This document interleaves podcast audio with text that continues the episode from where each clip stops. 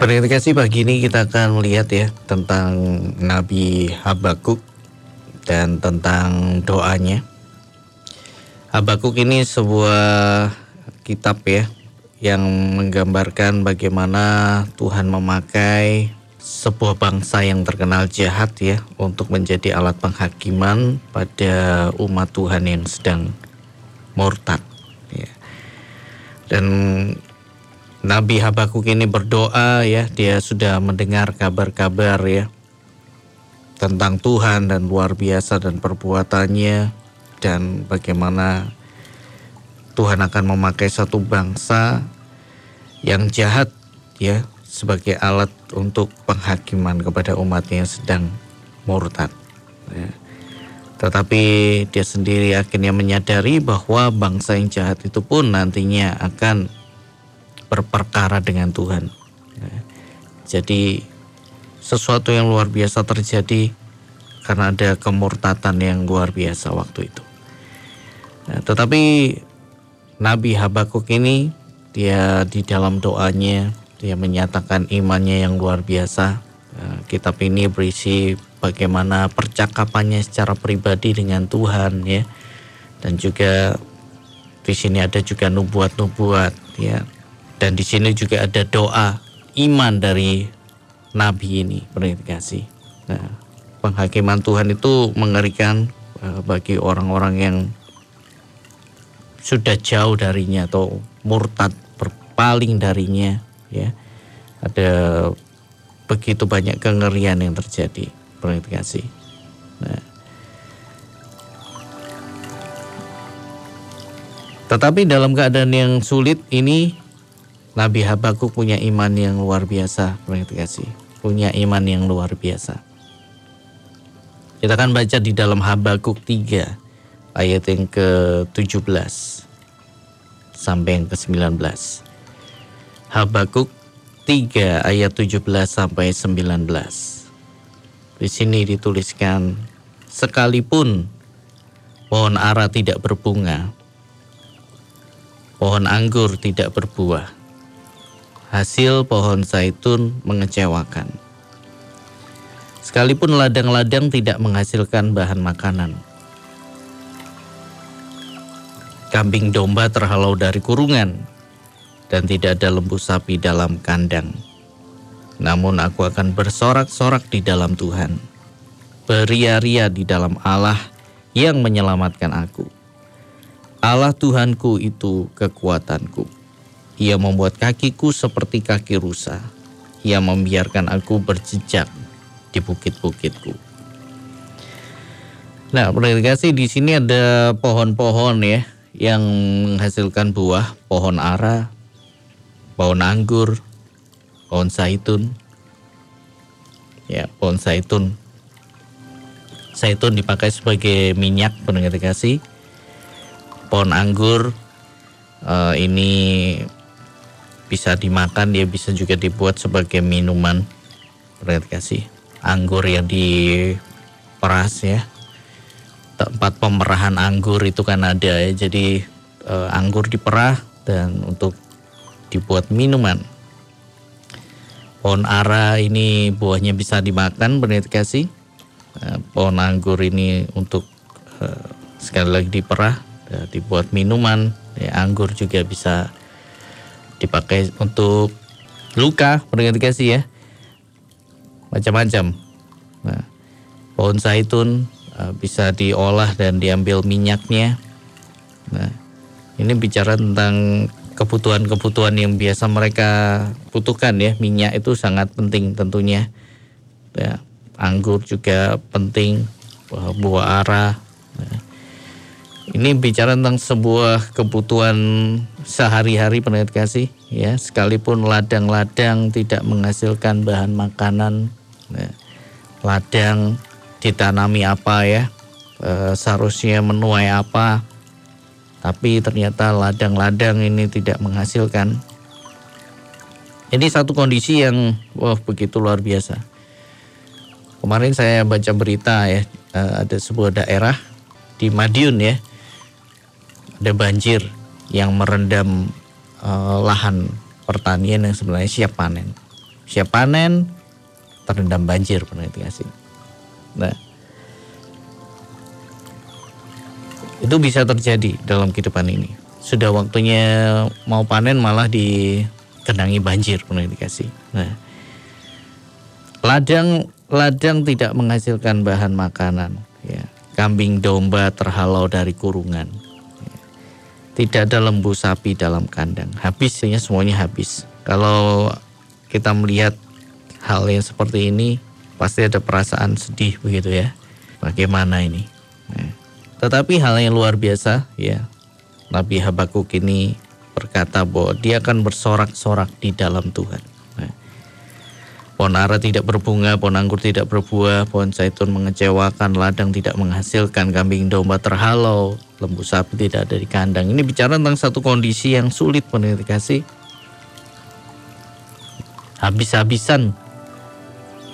Tetapi Nabi Habakuk ini berkata bahwa aku akan bersorak-sorak di dalam Tuhan beria-ria di dalam Allah yang menyelamatkan aku. Beria-ria di dalam Allah yang menyelamatkan aku. Di tengah-tengah situasi seperti ini, kenapa dia bisa bersorak-sorak, beria-ria? Karena dia memakai imannya, pernah kasih. Ya, iman kepada Allah. Ya yang membuat dia bisa tetap bersuka cita. Hari-hari ini masih bisakah kita bersuka cita? Pendengar kasih ya, masih bisakah kita bersorak-sorak? Masihkah kita bisa beria-ria di dalam Allah yang menyelamatkan kita? Di dalam Allah yang menyelamatkan kita. Jadi sukacita kita itu ada di dalam Allah yang menyelamatkan kita.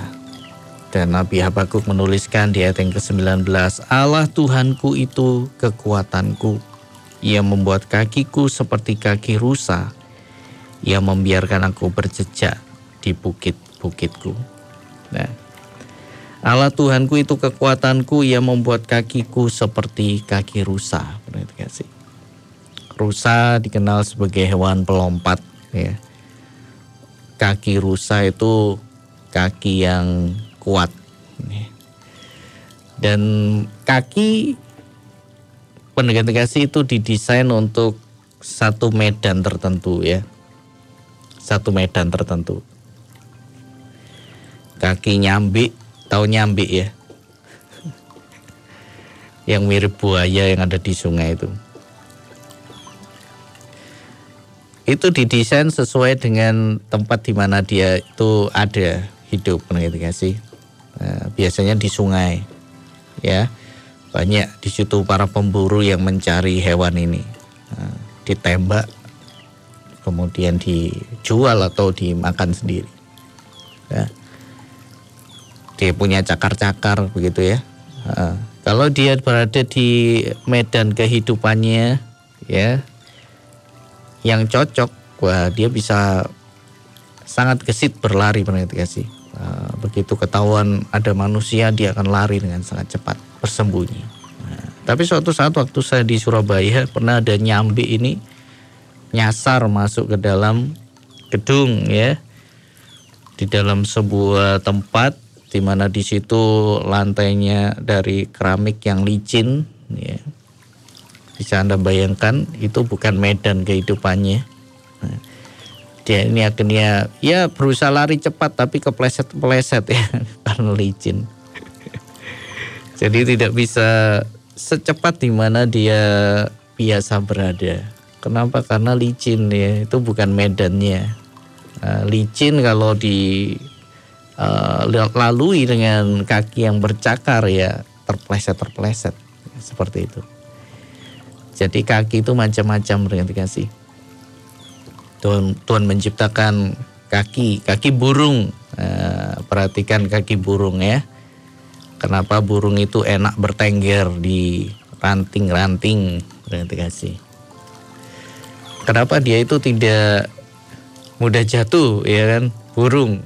Eh, kenapa? Karena kakinya bisa berbentuk melingkar ya kan?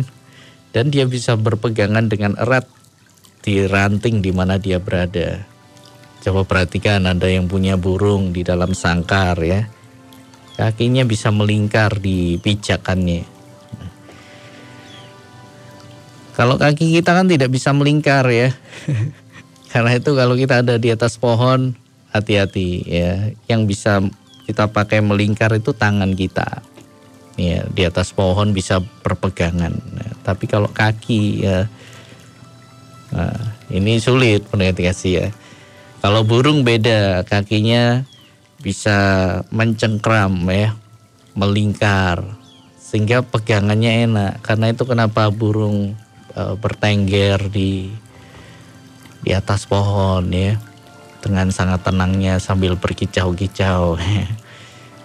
karena kakinya kasih ya, karena kakinya. Hewan apa lagi? Masih banyak pendengar kasih Anda bisa cari sendiri ya uh, hewan uh, dengan model kaki itu dirancang. Tuhan tidak sembarangan menciptakan, dia merancang masing-masing untuk ya tempatnya sendiri. Nah, kakinya bebek berselaput pendengar kasih ya. Berselaput. Cocoknya hidup berenang di air karena memang dia diciptakan ya untuk banyak berada di dalam air kasih berenang ya. ya dan seandainya kakinya tidak berselaput dia akan sangat kesulitan untuk berenang ya butuh banyak energi untuk berenang. Nah, tapi kaki bebek itu berselaput sehingga memudahkan dia untuk berenang. Nah, bagaimana dengan kaki rusa? Kaki rusa itu pun kasih didesain Tuhan secara khusus ya. Di mana dia bisa berjejak di bukit-bukit ya. Nabi Habakuk memperhatikan rusa-rusa yang berkaki cekatan yang dengan gesit berjalan melintasi batu-batu karang yang berbahaya di daerah perbukitan Yudea. Ya, jadi ini adalah bicara tentang medan yang sulit, medan yang berbahaya. Ya tetapi rusa-rusa ini bisa berjalan dengan gesit melintasi batu-batu karang yang berbahaya ini. Ini bicara tentang medan yang berat, kasih. Medan yang berat, ya, melewati batu-batu karang yang berbahaya, tapi dia bisa tetap gesit berjalan melewatinya. Medan yang berat. Nah, rusa ini hewan yang sangat unik, kasih ya dan salah satunya adalah kita uh, belajar tentang kaki dari rusa ini. Kaki rusa ini kuat dan cocok untuk medan yang kasar. Ya. Medan yang kasar. Jadi kalau hari-hari ini kita sedang seperti berada di medan yang berat ya dalam kehidupan. Mari kita katakan Allah Tuhanku itu kekuatanku. Ia membuat kakiku seperti kaki rusa. Jadi Tuhan itu kekuatanku. Ia membuat kakiku seperti kaki rusa. Di tengah medan yang berat, Tuhan membuat kaki saudara dan saya seperti kaki rusa yang bisa tetap melangkah melewati medan yang berat ini. Melewati batu-batu karang yang berbahaya, berarti kasih. Tapi tetap kita bisa berjalan dan melewatinya. Ya. Itulah Luar biasanya Tuhan, Dia menguatkan kita dan memampukan kita melewati medan yang sedang kita hadapi. Inilah iman dari Nabi Habakuk dan biarlah ini juga menjadi iman saudara dan saya bahwa Allah Tuhanku itu kekuatanku. Kaki rusa adalah untuk melompat juga ya. Jadi berjalan melewati batu karang yang terjal ya dan juga untuk melompat-melompat ya. kasih dan kita akan dimampukan. ia membiarkan aku berjejak di bukit-bukitku. Nah, jadi kita belajar dari kaki rusa pagi ini. kasih uh, dirancang untuk menghadapi medan yang berat. Nah, dan dia bisa melewatinya. Medan yang kasar. Nah, jadi hari-hari ini berarti kasih eh, ketika kita merasakan ada medan yang berat yang sedang kita hadapi. Nah, mari kita katakan sekali lagi, Allah Tuhanku itu kekuatanku yang membuat kakiku seperti kaki rusa, ya, yang bisa melangkah di medan yang berat sekalipun dan kita bisa lalui. Terima kasih ya. Uh, kalau kita lihat di layar televisi begitu ya, ada mobil dengan ban. Nah, ban ini juga menentukan menurut kasih ya. Bisa melalui medan seperti apa ya. Jadi kalau Anda perhatikan ada uh, perjalanan menjelajah ya dengan menggunakan uh, jeep ya sejenisnya pokoknya model seperti itu. Nah, yang perlu diperhatikan untuk bisa melewati medan yang berat adalah bannya. Model bannya, kasih. Kalau untuk berada di jalanan yang terjal, model ban itu akan berbeda dengan ketika uh, ban itu dipakai untuk di jalanan yang halus, benar kasih. Kalau Anda suka MotoGP, ya, anda kan lihat pendengar ban itu e, dirancang ya secara khusus untuk jalan di lintasan yang halus. Ya. Bannya. Dan ban untuk kondisi jalan yang kering akan beda dengan e, ban untuk kondisi jalan yang basah. Nah, jadi macam-macam untuk kondisi kering ataupun basah dan juga untuk jalanan halus atau jalanan terjal. Ya Kenapa? Karena kalau satu kendaraan jeep ya, misalkan melawan petualangan melewati medan berbatu-batu dan bannya halus, kasih sulit bagi dia untuk survive. Nah, sulit bagi dia untuk bisa bertahan. Paling-paling ya mogok di satu tempat ya. Tapi kalau ban itu dirancang untuk jalanan yang kasar ada uh, model tertentu ya. Motif-motif tertentu dari ban itu sehingga itu bisa mencengkram batu ya. Uh, dia tidak mudah tergelincir tapi uh, dia bisa mencengkram batu dan uh, jalanan berbatu itu bisa dilalui dengan mudah karena kondisi bannya. Nah harus tepat menavigasi nah jadi kalau medan berat mari kita minta ya. Kaki seperti kaki rusa itu seperti ban di mobil-mobil itu ya. Tergantung medannya kasih nah, kalau untuk jalanan berpasir ban yang cocok apa? Jalanan berbatu bagaimana? Jalanan yang halus bagaimana? Karena itu kalau bannya halus dipakai untuk jalanan yang terjal ya, wah bisa berhenti sampai di satu tempat kasih atau sakit semua ya karena tidak ada motif untuk mencengkram batu-batunya melewati itu. Nah, sama dengan kehidupan kasih ada kehidupan banyak uh, medan yang kita lalui ya. Uh, tidak selalu medan yang kita lalui itu berat ya.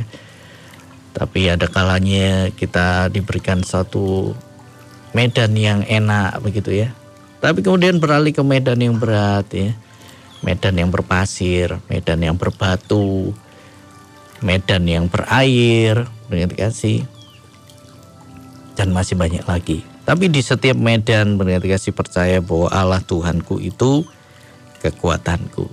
Nah, di tengah-tengah medan yang sulit, sekali lagi Tuhan membuat kaki saudara dan saya seperti kaki rusa yang siap untuk melewati medan yang sulit itu.